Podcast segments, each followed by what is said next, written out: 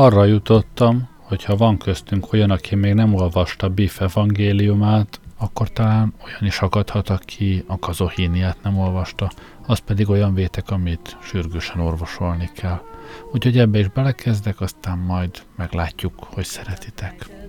Neki is látok, Szatmári Sándor, Kazohínia, első fejezet. Az olvasó, aki régebbi, szerény igényű munkáimat talán érdemükön felüli figyelemre méltatta, bizonyára csodálkozással értesül róla, hogy annyi kaland és súlyos megpróbáltatás után újból tengerre szálltam. Biztosíthatom az olvasót, hogy most Kazohíniából hazatértem után, visszagondolva a hinek, de különösen a behinek között átélt szenvedéseimre, magam is teljesen hasonló véleményem vagyok. Ezért, ha nem is mentségemből, de magyarázatul legyen szabad megemlítenem, hogy ez alkalommal átkozott kalandos véremen kívül Nagy-Britannia és a keresztény civilizáció védelme volt az, ami újabb utazásra késztetett.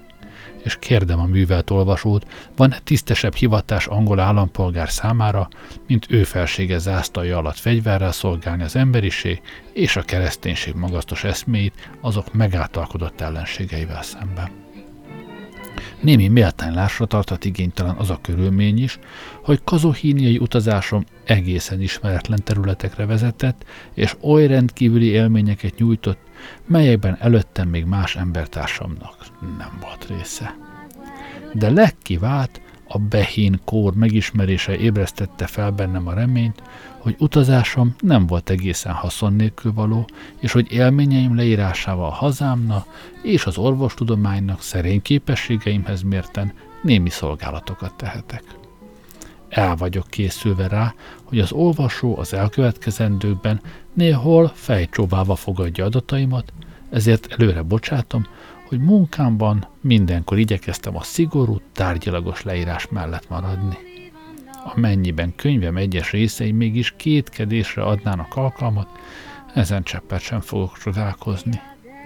Kazohínia hazámtól és az európai civilizációtól oly távol esik, hogy az ottani szokások, de főleg a behínkor nálunk merőben ismeretlenek, és ha saját szememmel nem győződtem volna meg róluk, talán magam sem tudnám elhinni, hogy vannak, és hogy ilyenek.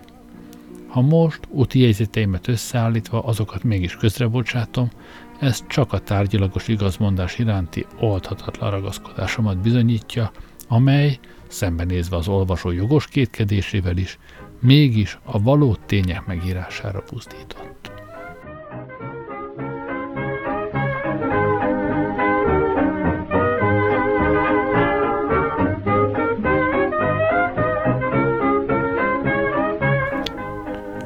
A bűneitől megváltott emberiség az 1935. évet írta, amikor ő felsége kormánya arra a meggyőződésre jutott, hogy minden valószínűség szerint háborút kell folytatnunk Olaszország ellen.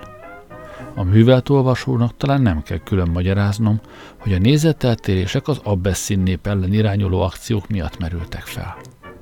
Kétségtelen, hogy Olaszországot ezen akcióban nemzeti nagyságának kiterjesztésére irányuló szándék vezette, mit angol gentleman csak tisztelettel vehet tudomásul, még ha az ellenfél teszi is. És nehogy az olvasó a továbbiakban az elfogultság vágyával illessen, sietek megjegyezni, hogy ezt Britannia minden tisztes érzelmű polgára el is ismerte. Sőt, Különösen mély hatást gyakorolt ránk az olasz főpapok lelkes áldozatkészsége, ahogyan pénzt, értékes pásztorbotokat és drága köves aranykereszteket áldoztak a haza oltárán, hogy azokért tankokat, szuronyt és gyújtóbombát vásároljanak a nemes célra. Minnyáján megilletődéssel olvastuk a lelkes pásztorleveleket, melyekben nem szüntek meg buzdító szavakkal bátorítani a parasztokat, fűszereseket, pástétonsütőket, halárosokat, dokmunkásokat, koldusokat, jupásztorokat, fagylalt készítőket, mézesbábosokat és gyertyaöntőket egyaránt, hogy menjenek a frontra, terjesszék a fekete, feketék közt a kultúrát és az igaz keresztény erényeket, míg ők oda-haza ez alatt ájtatos imákban fognak szüntelen esteni a megváltóhoz és a lorétói szűzhöz, hogy a fegyvereket a mennyek kegyelme támogassa magasztos hivatásukban. Készséggel elismertük egyben az olasz katonák hősies teljesítményét, kiknek halált megvető bátorságát és egyéb tiszteletre méltó erényeit minden hű és jellemes angol alatvalóna példaként kell követnie, persze angol zászló alatt és az olaszok ellen. Ismétlem tehát, hogy a dolgok mikéntje tekintetében semmi ellentét nem volt hazám és Olaszország, között, Olaszország kormánya között, mindössze a dolgok miértje adott okot nézeteltérésre. Az olaszok ugyanis azt hozták fel Abbessin akciójuk indokaképpen, hogy az Abbessin népet akarják felszabadítani az Amhara népjárma alól, és a kultúrát terjeszteni, minek nyilvánvaló igaztalansága minden tiszteletünk mellett kacajra kell, hogy késztessen minden józanul gondolkodó, műveltebb embert, aki csak kevéssé is tisztában van más országok diplomáciájának szokásos frázisaival, melyek a dolgok lényegét elkendőzni igyekezne, megtévesztvén a laikus szemlélődőt. Nem akarok az elfogultság hibájába esni oly utazók módjára, akik nem átalják tudományos leírás köntösében maguk és hazájuk dicsével mértéken felül hivalkodni, de azt hiszem, a szerénység és az idegen államok iránti köteles tisztelet betartásával is megjegyezhetem, hogy a dolgoknak ez a beállítása oly tévedés, amit angol állampolgár sohasem követne el. Hazámban ugyanis még a kevésbé művelt osztályok előtt is köztudott dolog, hogy a trópusi népek felszabadításának és a kultúra terjesztésének áldozatos, de nemes munkája mindig Angliának volt magasztos feladata, amire azt hiszem elég bizonyíték hátsó Indiától a búrokig az a sok gyarmat, melynek népeit hazám szabadította fel nehéz harcok árán az elnyomás alól. És bár angol gentleman a dolgok anyagi része hidegen hagy, mégsem foghatom, folythatom el azon véleményemet, hogy Olaszországot a kultúra és szabadság ügyén túl esetleg tudat alatt az abeszin kávéültetvények és olajmezők is befolyásolták elhatározásában. Ezért ő felsége kormány elhatározta, hogy az olaszországi szankciók elfogadtatása után védelmi háborút indít Olaszország ellen. E végből az európai egyensúly és a béke biztosítása céljából Egyiptomban sürgősen több hadosztályt helyezett el repülőgépekkel, tankokkal, lángvetőkkel és gyújtóbombákkal, a földközi tengerre pedig több sorhajót vezényelt ki, torpedózúzók és tengeralattjárók kíséretében. Ezt persze az olasz sajtó heves ellenhatással fogadta, azt állítván, hogy hazám elhatározását a felhozott okokon kívül talán a bírvágy is befolyásolta, és sajnálja egy éhes néptől azt a néhány olajforrást és bányát, ami ugyan az olasz érdeklődéstől távol esik, és meg sem említenék, de angolokról lévén szó mégis beszélni kell róla. Az olvasót talán már untatják a politikai részletek, de szigorúan elhatározott szándékom kitartani a tárgyi igazság mellett, és igénytelen szavamat mindannyiszor felemelni, valahányszor méltatlan gáncséri hazámat, a flottát, tankokat, repülőgépeinket, és általában mindazon nagyszerű létesítményeinket, melyek az embert a duvattól megkülönböztetik. Tehát, hogy elbeszélésem fonalát ne védsem, ugyanez időben történt, hogy hazahívták ő felségének a kínai vizeken horgonyzó, Terrible nevű nehéz páncélos sorhat, sorhajóját, hogy a földközi tengerre küldjék, annak helyére viszont az Invincible ócska cirkálót küldték, hogy ő felsége lobogóját és hazám jogos érdekeit jelenlétével képviselje. Az Invincible feladata nem volt könnyű, miután hazám érdekeit a távol-keleten is erősen fenyegette a japán terjeszkedés veszélye. Sőt, a kínai nép egy része is lázongott a kultúrát és civilizációt képviselő koncesziós zónák ellen, melyek érdekében kellett az Invincible-nek Shanghai-ban állomásoznia. Hazám el volt tökélve keleten is biztosítani az európai civilizációt, de az olasz konfliktus ezt most nem engedte, amit Japán alaposan ki is használt, és maga is terjeszteni kezdte a civilizációt Észak-Kínában, egyelőre a népszövetségi alapokmánnyal és szeretett hazámmal teljes egyetértésben. Azért is kellett az Invincible-nek a Terrible-t felváltania, hogyha esetleg a japánok elsüllyeszti, a kár aránylag csekély legyen, és az ügyet ne kelljen barátságtalan akciónak tekinteni. Bár a szándék szigorú hadititok volt, mégis kiszivárgott a legénység közé, melynek soraiból erre számosan kérték áthelyezésüket. Kérésüket a parancsnokság elutasította, mire többen megszöktek. A kormány kénytelen volt más módszerhez folyamodni, miután félő volt, hogy a kényszerített személyzet Sankhajban fog megszokni. Tehát dupla fizetést ígért és magas összegű életbiztosítást. Ez időben én a Trafalgar nevű cirkálón teljesítettem szolgálatot, mint seborvos, és egy napon hazatérve megemlítettem a dolgot nőmnek. Nőm, aki a hű házastárs és anya mintaképe volt, és aki buzgó és erényes élettárs módjára nem szűnt meg engem férji kötelességeimben tanácsaival és biztatásaival szüntelen ösztönözni, azonnal átlátta a helyzetet és nógatott, hogy ne habozzam rögtön áthelyeztetni magam az Invincible-re. Lelkes szavakkal magyarázta meg, hogy Sankhájban amúgy sem lesz kiadásom, nem lesz módom a délutánjaimat léha barátaimmal a klubban tölteni, és pénzemet dominó játékon könnyelműen tékozolni, hanem mindet hazaküldhetem szeretett családom is tápolására. Sőt, afelől sem lesz aggodalmam, hogy mi történik velük hősi halálom esetén, mert a nyugdíjon felül a bőséges életbiztosítás elegendő tápot nyújt neki és családomna, hogy emlékemet rangomhoz méltóan őrizze meg.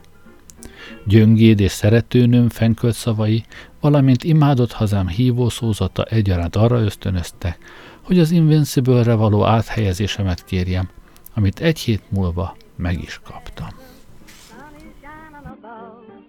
If you're in love, gee whiz, then you know just how it is. When there's somebody who you can cuddle up to, ain't that a grand and glorious Egy újabb hét múlva megtörtént az indulás.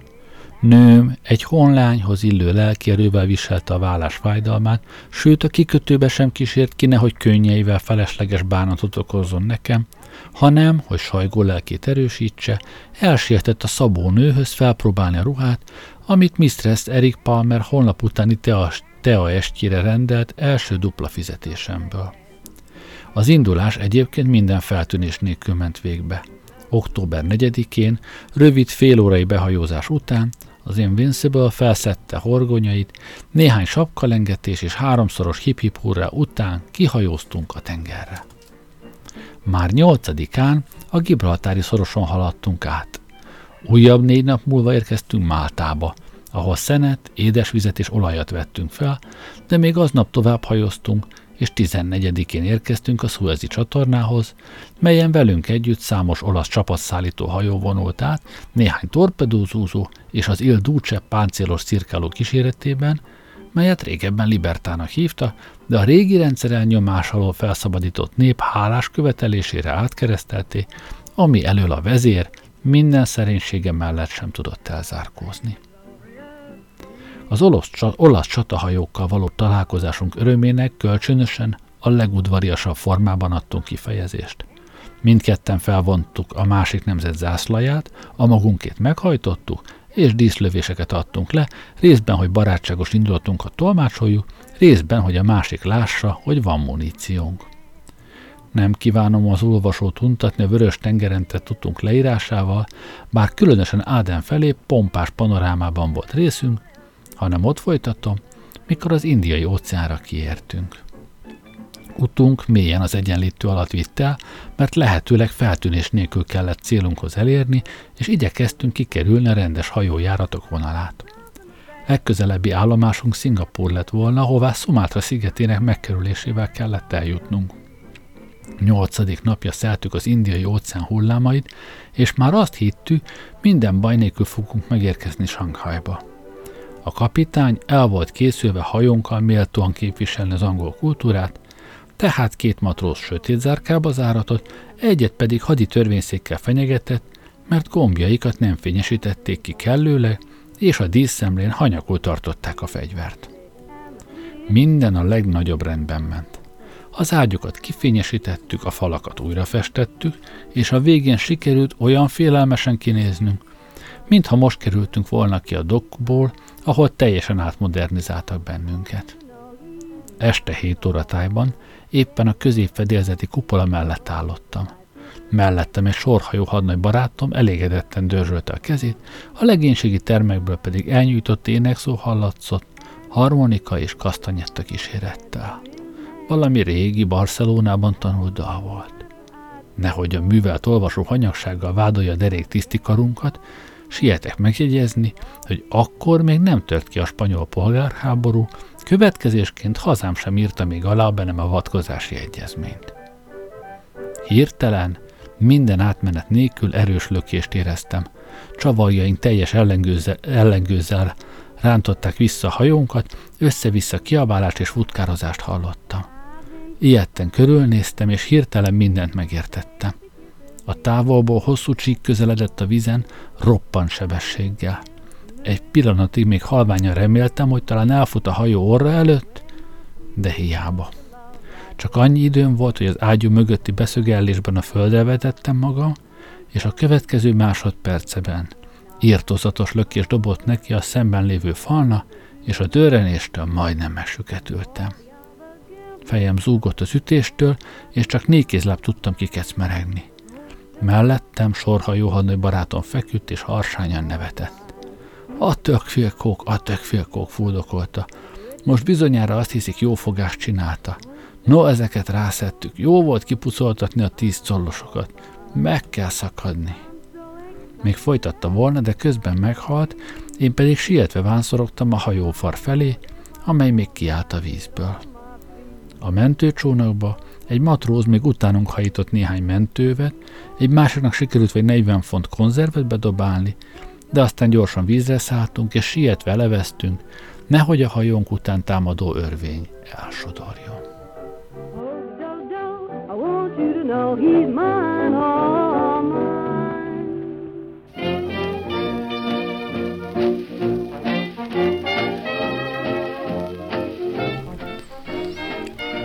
Nem akarom az olvasót a részletekkel terhelni.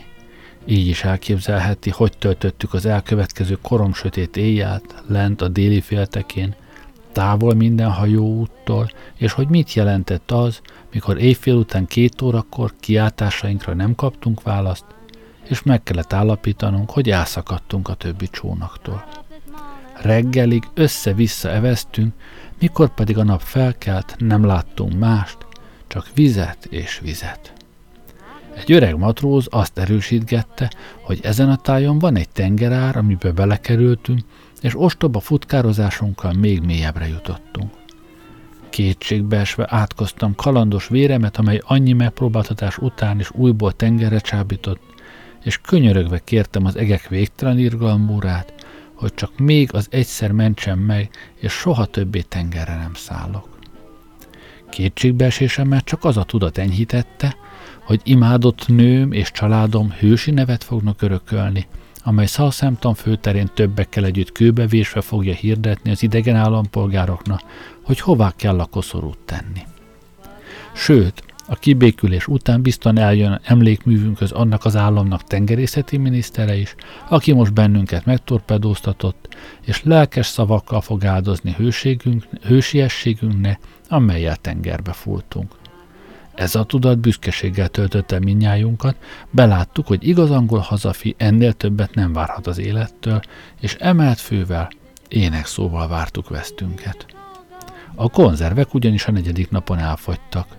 Délben nyitottuk fel az utolsó két dobozt, kiittuk rá az utolsó kort édesvizet, és felkészültünk dicsőséges éghalálunkra.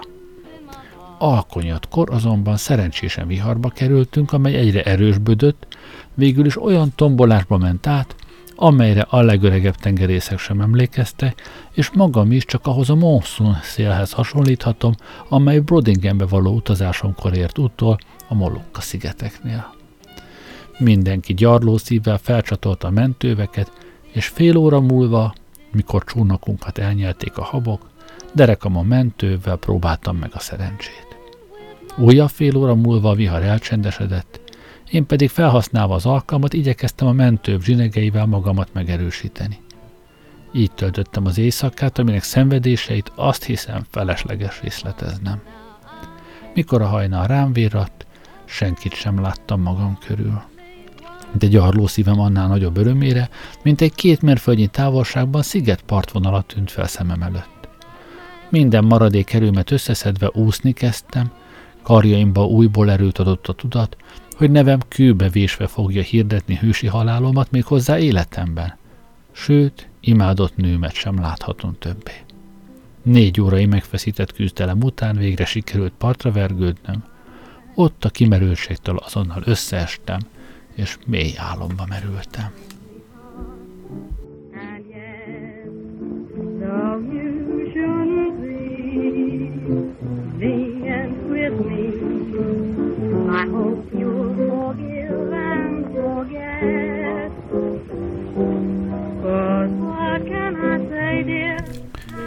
Második fejezet Midőn szememet kinyitottam, ismét reggel volt. Ruhámat a tűzőnap megszárította, erőn visszatért, de annál inkább kínzott az éjség és szomjúság. Befelé indultam a szárazföldre, és hamarosan gyönyörűen művelt, óriási rizsföldekre értem. A rizstáblák mentén keresztül kasult söveg futotta, úgy látszik ezekkel szállították ide a táblák elárasztásához szükséges vizet, mert tudva levő, hogy a rizs elárasztott talajt kíván. A táblák határában jó másfél órát gyalogoltam, mikor végre országútra jutottam. Mondhatom, szemem szám tátva maradt, mert ilyen pompás utat életemben nem láttam. Valami különlegesen finom anyagból készült, lágyabb, mint a beton, rugalmas és hangtalan, mint a gumi, tapadó, mint a sóder, és sima, mint a tükör. Két oldal gyümölcsfasor, csatornanyírású, jobbról még külön gyalogjáró, egy végtelen allé árnyékában. Úgy ötven jarnyira egymástól nagy, karos, kerti székek az út mentén, de nem nádból vagy gajabból fonva, hanem valami sima anyagból készítve, mit én bakelitnak néztem. A székek ciprusbokrokkal voltak körülvéve. Minden negyed mérföldre Kis betonból és üvegből készült házi koát egyetlen szobával, melynek belseje öt lépés hosszú és ugyanilyen széles lehetett. Oldala egyetlen körbefutó ablak, csak a négy sarkán tartja a tetőt halvány ezüst színű fémoszlop. Benézve csodás művű, de rendkívül dísztelen asztalt láttam körülötte kényelmes, süppedő fotójökkel. A sarokban villanykájha. Nálunk ehhez hasonló, de korán sem ilyen fényűző üvegszobákat világvárosok autóbusz megállóinál és mondén fürdőhelyek sétányain láttam, hová eső elől menekültek a járókelők. Feltevésemet, hogy ilyesmik lehette, az is megerősítette, hogy az ajtón nem volt zár. A kocsi út mentén egymástól húsz lépésnyire mindkét oldalon masszív, húsz láb magas, sima, ezüstös fényű csőből készült lámpák állottak. Lassanként arra a meggyőződésre jutottam, hogy valami égen előkelő férfiú parkjába vetődtem. Ez a gyönyörű sétány, ezek az üvegszobá, lámpák semmi esetre sem lehetnek köztulajdon, mert bárhogy néztem, sem rongálás nyomát, sem trágár feliratot nem fedeztem fel.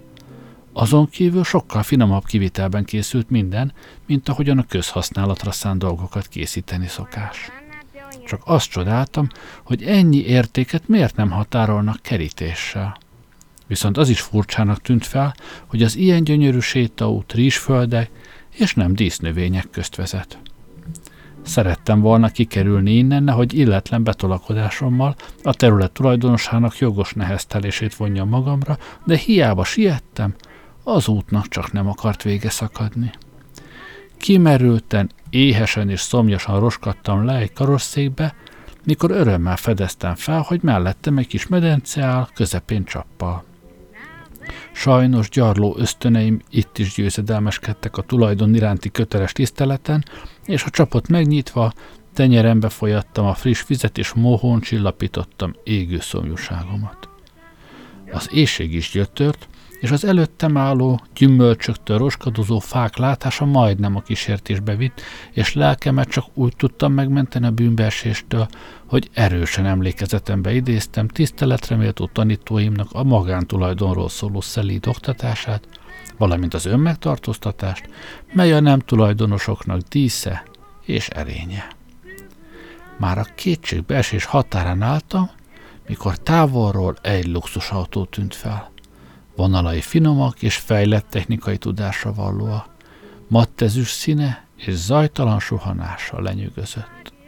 Annyit biztosra vettem, hogy a birtok ura érkezik, és ilyetten ugrottam fel helyemről. Első pillanatban el akartam futni, de aztán mégis jobbnak véltem nyíltan odaállni és helyzetemet őszintén feltárni, nehogy, ha talán mégis elfognak, besuranó tolvajnak nézzenek. No meg az éjség is hajtott.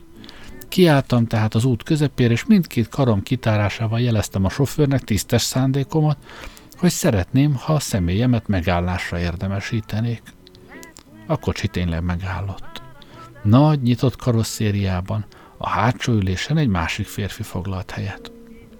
Mindkettő finom, rendkívüli értelemre valló görög szoborszerű arcvonásokkal, úgy, hogy ha az egyik nem ült volna volánnál, nem tudtam volna az urat a sofőrtől megkülönböztetni.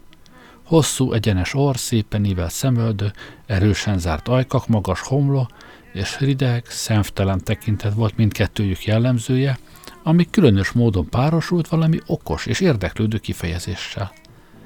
Ilyen furcsa ellentétet sosem láttam egyesülni, és annyival különösebb volt, mert arcuk mégsem hatott diszharmonikusan.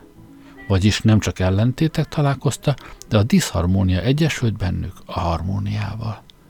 Mintha egy szabályos mérteni adom, idom, mosolyogna. Furcsa, bizonytalan érzés vett rajta merőt. A sofőr szólított meg valami idegen, lágy nyelven, amiből mit sem értettem, pedig jelekkel felel, én pedig jelekkel felelve próbáltam megértetni, hogy nem vele akarok beszélni, hanem az utassal, akit a földes úrnak véltem. Az úr pedig, megértve kívánságomat, leszállt a kocsiról, és elém lépett. Most vettem észre, hogy hajszányira úgy volt öltözve, mint sofőrje. Szürke, egybeszabott öltöny, derékon övvel, csuklóban és bokában szorosan gombolva, és nagy zsebekkel, de igen finom anyagból. Úgy látszik, a por ellen használták autókiránduláskor. Ezen kívül könnyű, puha svájci formájú sapkát viselte, amit gumiszalag szorított fejükre. Mélyen meghajoltam, sapkámat ívben megemeltem.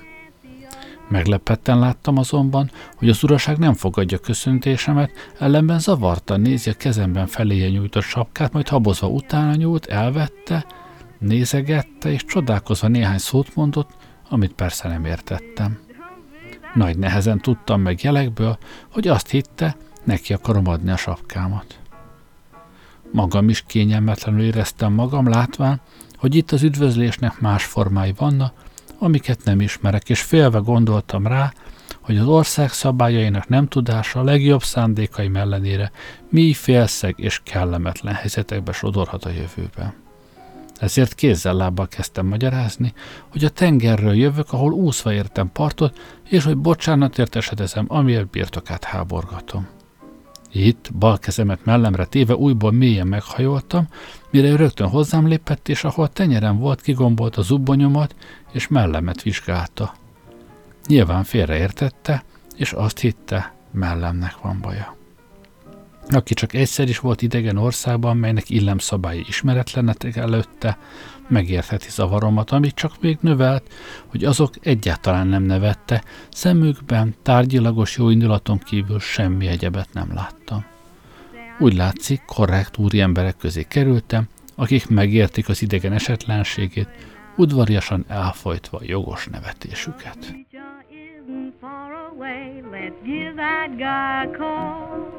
For just five dollars we'll be wed. Let's go and end it all. Hanem az éjség mind jobban gyötört, és látva, hogy itt semmire sem megye, röviden gyomromra mutattam, és jelekkel magyaráztam, hogy éhes vagyok. Kissé szégyen kezdtem, hogy mindjárt ilyen témával kell kezdenem, de türelmes bánásmódjuk erre fel, felbátorított. Biztos voltam benne, hogy ez irányú kérésem is megértéssel találkozik. Nem is csalódtam. Ezt már teljes mértében megértették, egymásra aztán rám néztek, és csodálkozva mutattak a fára, jelezvén, hogy szabad lett volna gyümölcsből szakítanom. A nagy lelkűség mélyen meghatott, bátortalanul letéptem egy hatalmas körtét, és mohón tömtem magamba. Megvallom, ezzel az egy körtével nem laktam jól, de nem mertem másikra is engedélyt kérni. Reméltem, hogy mohó étvágyamat látva úgy is megkínálnak. Most ért az első csalódás Kazohíniában. Az előbb oly szíves úr fikarsznyit sem törődött azzal, hogy táplálkozásomat folytatom-e. Megvallom, ez kicsi kellemetlenül lepett meg. Ó, ha akkor tisztában lettem volna viszonyokkal, nem haboztam volna annyit szedni, amennyi csak kell. De hát járatlan voltam. Minden esetre igyekeztem nyájas mosolyjal tolmácsolni hálámat, miután meghajolni nem mertem. Azok vonásai azonban teljesen hidegek maradta, ami szintén furcsa ellentétben állt előbbi szíves jó indulatukkal, sőt, bizonyos aggódó kutatással néztek arcomba. Aztán néhány szót váltottak egymással, majd értésemre adták, hogy üljek be a kocsiba. A megtiszteltetés jól esett, igyekeztem volna hálámat kifejezni, de már sehogyan sem mertem. A kocsi megindult, majd mint egy fél mérföld után megállt. A földbirtokos kiszállt, az autó mögé került, és meglepetve láttam, hogy, ez össze, hogy egy összecsukható csillogó fémlétrát old le, amit a sofőrrel együtt kinyitna, majd egy lámpa mellé támasztanak, a földbirtokos felmászik, kicsavarja a körtét és másikat tesz helyére. Csodálkoztam, hogy az ilyen munkát miért nem bízza cselédeire, de magyarázatát még nem bírtam megtalálni. Nem sokára újra visszarakták a létrát, és tovább indultunk. Láttam, hogy az úr érdeklődve nézi ázott és gyűrött ruhámat, én pedig rendkívül szégyeltem illetlen megjelenésemet, és mindenképp bocsánatát kérve magyaráztam, hogy akaratomon kívül kerültem ilyen, semmiképpen sem szalonképes helyzetbe. Észrevettem azonban, hogy különösen rangjelzéseim érdekli, én pedig kapva az alkalmon, hogy tisztesebb társadalmi rangomnak némi bizonyítékát adhatom, magyaráztam, hogy ez mit jelent, hajómon hányan voltak rangban alattam, és hogy ez a sarsi akár ő felsége belső udvartartásába való bejutásra is jogosít. Úgy vettem azonban észre, hogy ő ebből vajmi keveset értett, és bántotta tudat, hogy esetleg nem béltányol eléggé. Öt perc múlva újra megálltunk, kiszállta, és megdöbbenéssel láttam, hogy mindketten piszkos köpönyeget töltenek magukra, majd az úton egy súlyos fedelet emelnek fel, és oldalukon szerelőládával eltűnnek a föld alá. Kíváncsian magam is kiszálltam, és lenézve megállapítottam, hogy kábelt szerelnek. Úgy látszik tehát, hogy mégsem a birtok tulajdonosával hozott össze sorsom, ami újból zavarba hozott, és erősen szégyenkeztem előbbi alázatos viselkedésem miatt. Azt sem értettem azonban, hogy akkor honnan vették a merészséget, hogy gazdájuk gyümölcseit nekem ajánlják. Nem mondhatom, hogy a legjobb vélemény alakult ki bennem erkölcseikről. Jó fél óra múlva visszapakoltak, és tovább indultunk. And a bon bon buddy slow down where the flats are muddy to do a mint egy negyed óra átutaztunk, és a tájék még mindig nem változott. Lassan kezdtem már sejteni, hogy mégsem lehet mindez egy ember magánterülete. De akkor minek ez az egész csodálatos technikai berendezés? Ezt csak stratégiai okokkal tudtam magyarázni, mert ekkora alkotásokra csak a honszerelem magasztos eszméje képesítheti az embert az idegen állampolgárok ellen. Megpróbáltam jelekkel megkérdezni, hogy miért készítették az utat ilyen fényűző módon, de úgy látszik félreértett, mert azt válaszolta azért, hogy ne rázzon.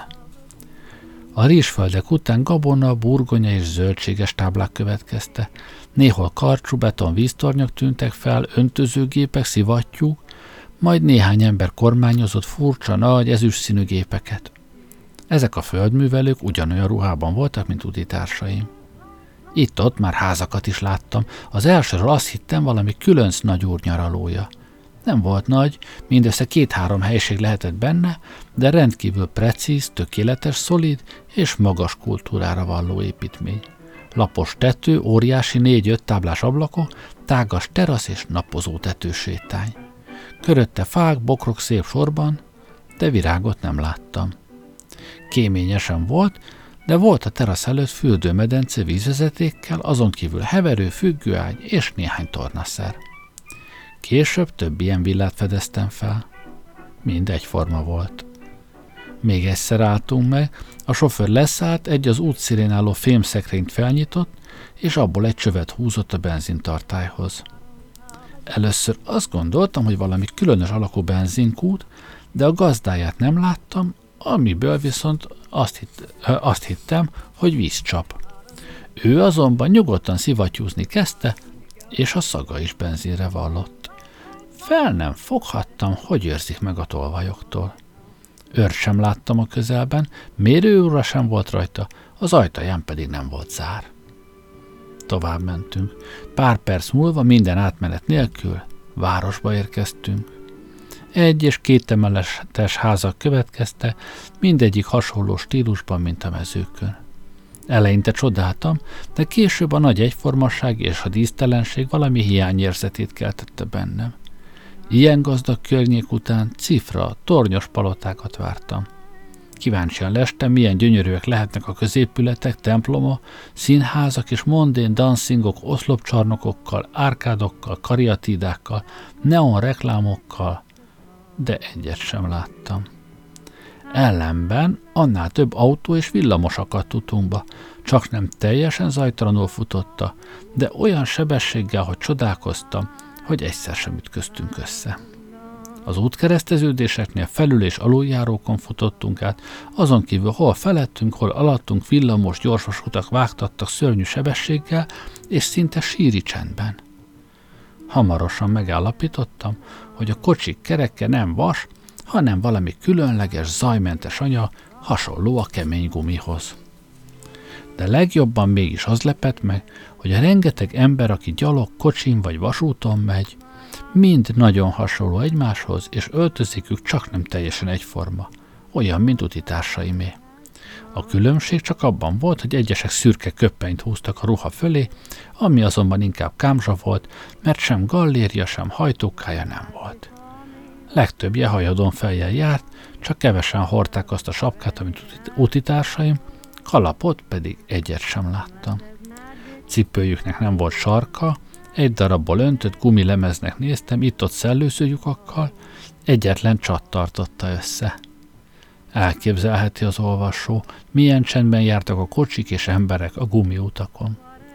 Méghozzá a nők is ugyanúgy öltöztek, úgyhogy eleinte azt hittem, csupa férfit látok, hiszen hajviseletük is egyforma volt. Körben nyírt, lefésült, sima viselet, amit nem ismerek frizurának nevezni.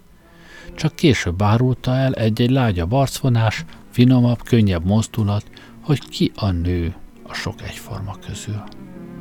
Hiába vártam fényes üzleteket is. Láttam néhány ajtót különös felírással, de vasredőny nélkül. Mintha nem is üzlet lett volna, hanem utcai bejáratta a bíró magánlakás. A felírás betűi igen egyszerű mértani domok voltak. Sehol egy kirakat, csak nagy négyszögletes ablakok, abban a sokszor látott mattezüst fémkeretben, amelyikből itt minden készült. Most autón megállt, vezetőm kiszállt és intett nekem. Kiszálltam, a kocsi elindult, mi pedig a villamos megállóhoz mentünk.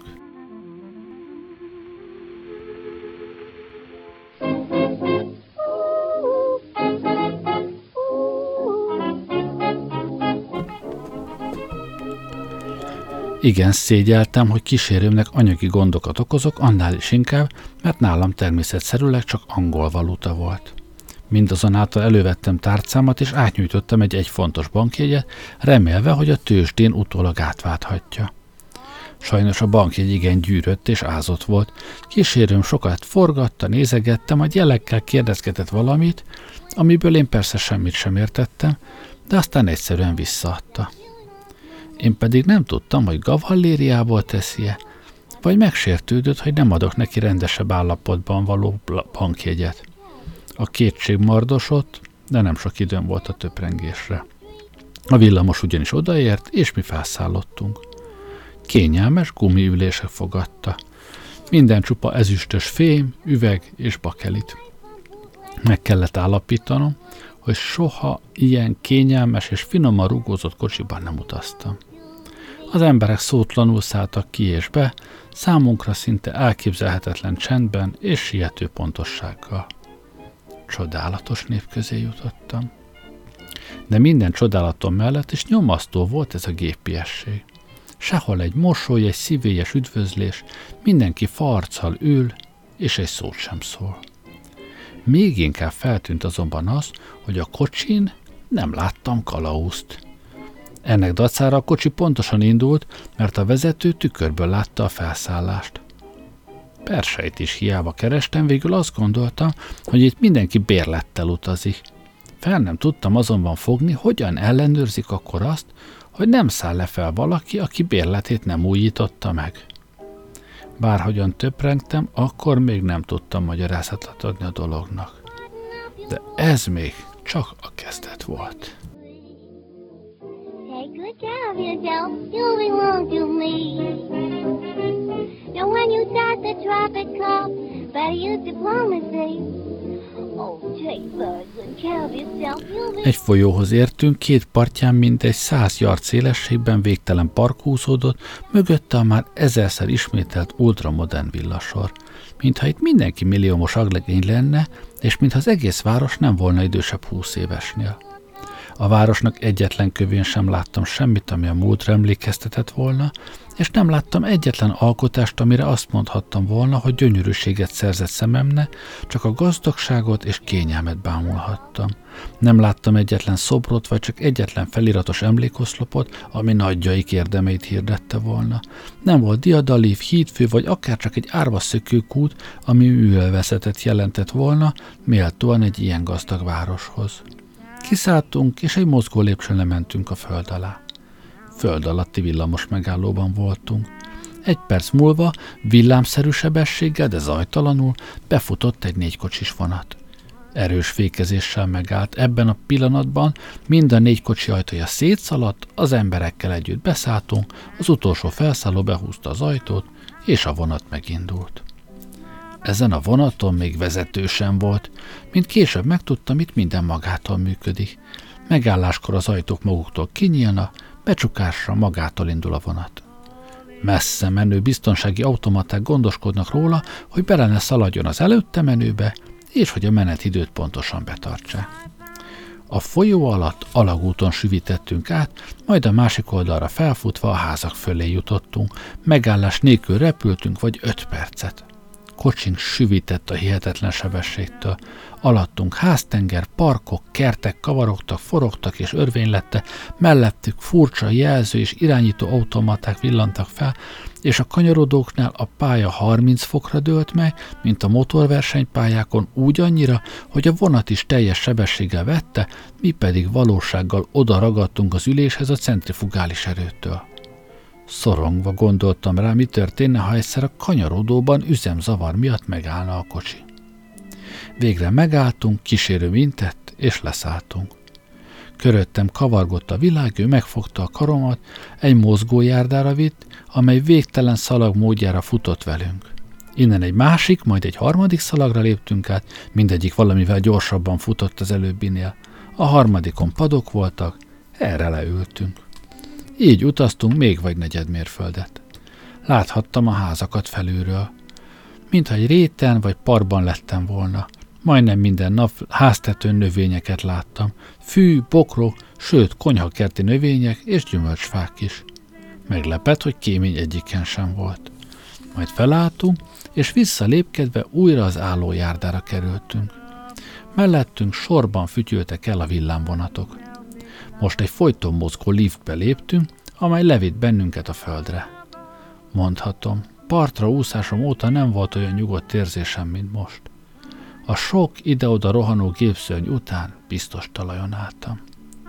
Most gyalog mentünk pár lépést, egy mellékutcába fordultunk be, és megálltunk egy ajtó előtt, amelyen valami felírás volt. Kísérő mintésére beléptem, és sapkámat tudóan levettem. Az ajtó magától tárolt ki előttünk, és utánunk ugyanúgy összecsukódott. Oda bent, rengeteg üvegszekrényben, ezer szám heveltek ugyanazok a ruhák, miket itt mindenkin láttam. Az üzletben azonban, másként nem tudom nevezni, senki sem volt.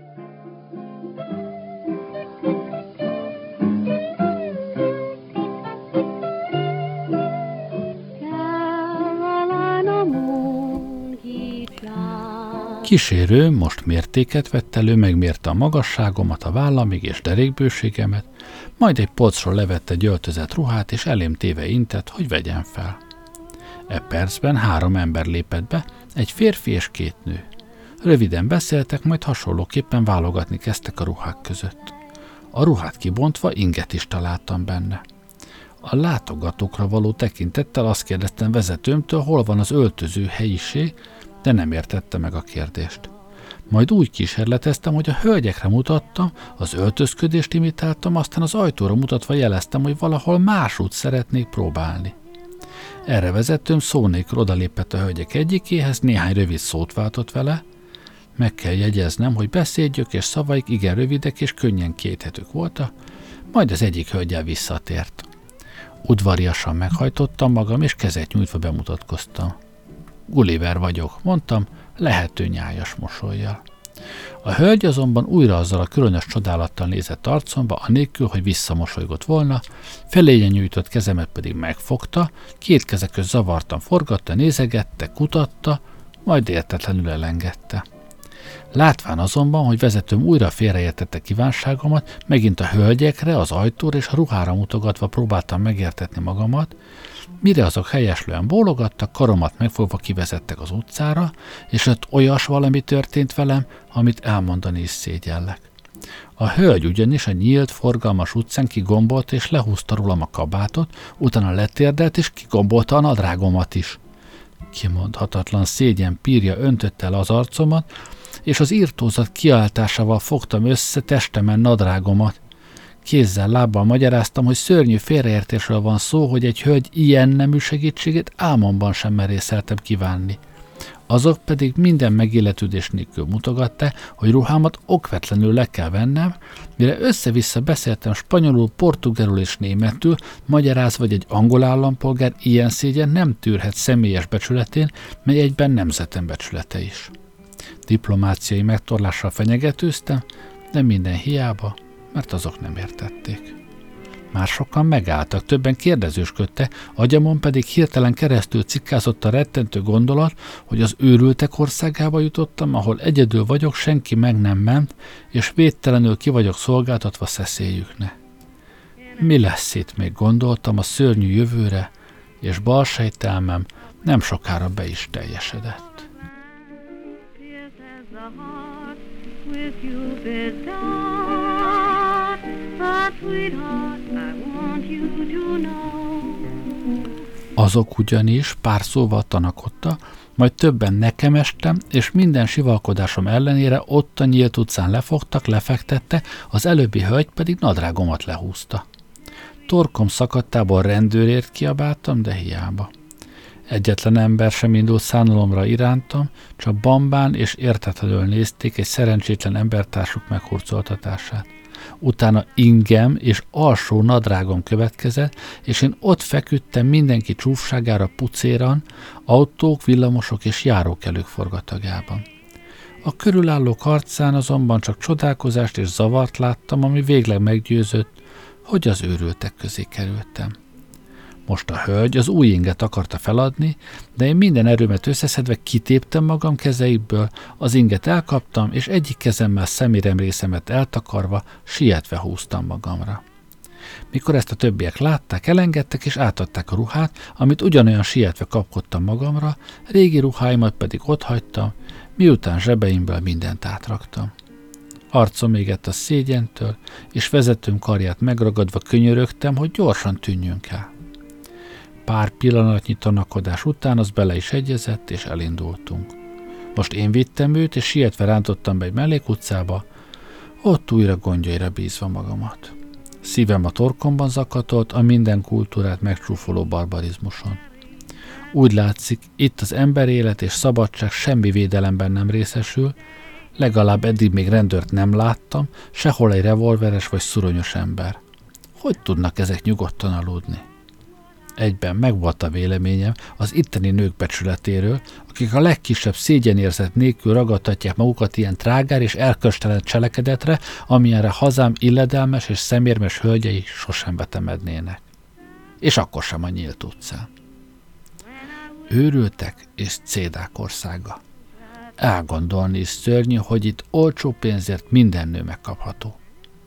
Meg kell azonban vallanom, hogy a ruha egészen különleges, finom és könnyű volt. Ilyen könnyen és kényelemben még nem éreztem magam. A legfinomabban omlós kódszövet közel se jöhet hozzá.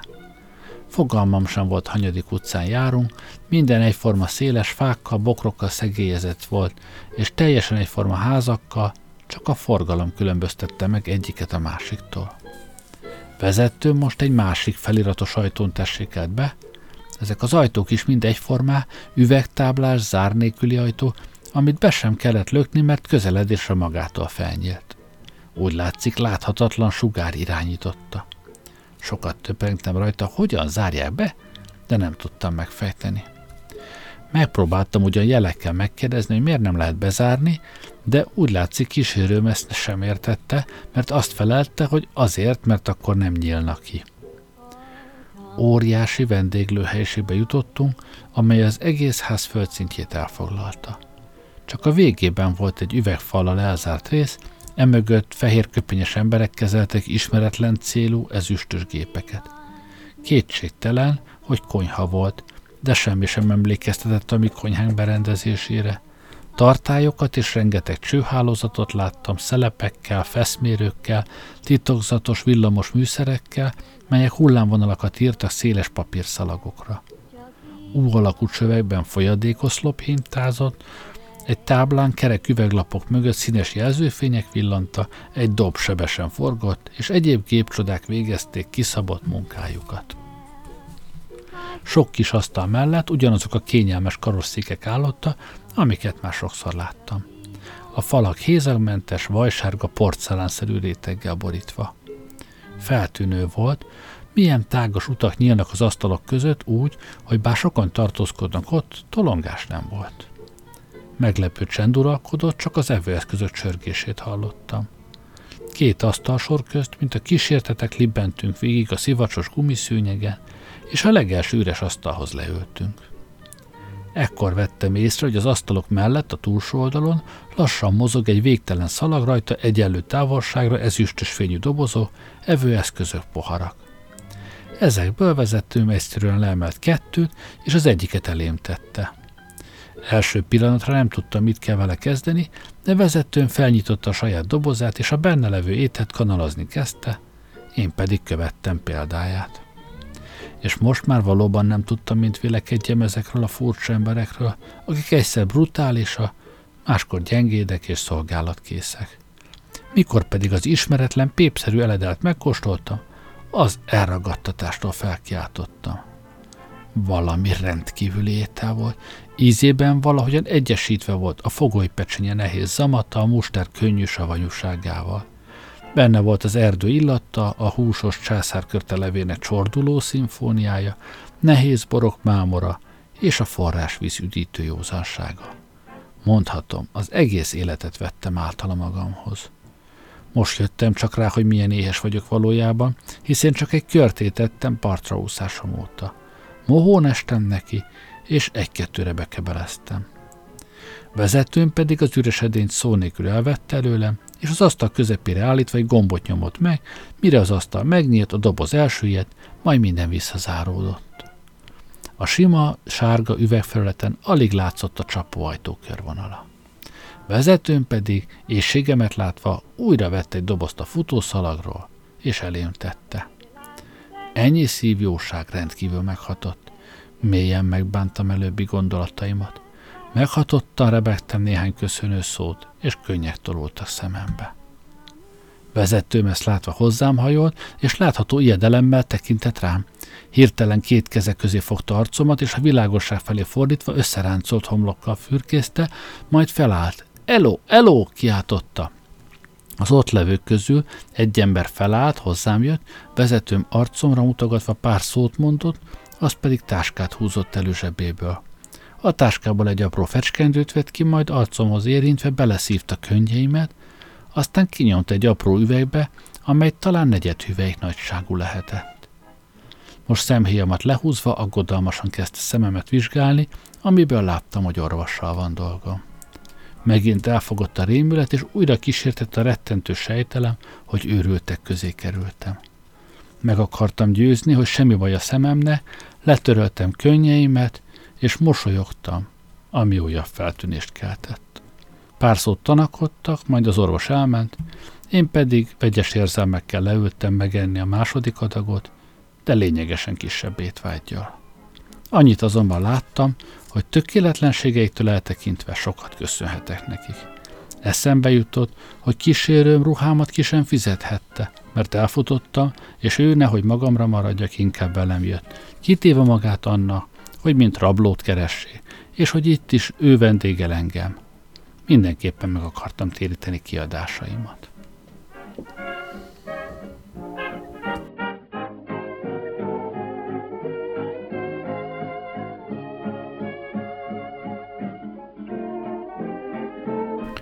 Kifutottam az időből, köszönöm, hogy velem voltatok ma este, jó éjszakát kívánok, Gerlei Rádiózott.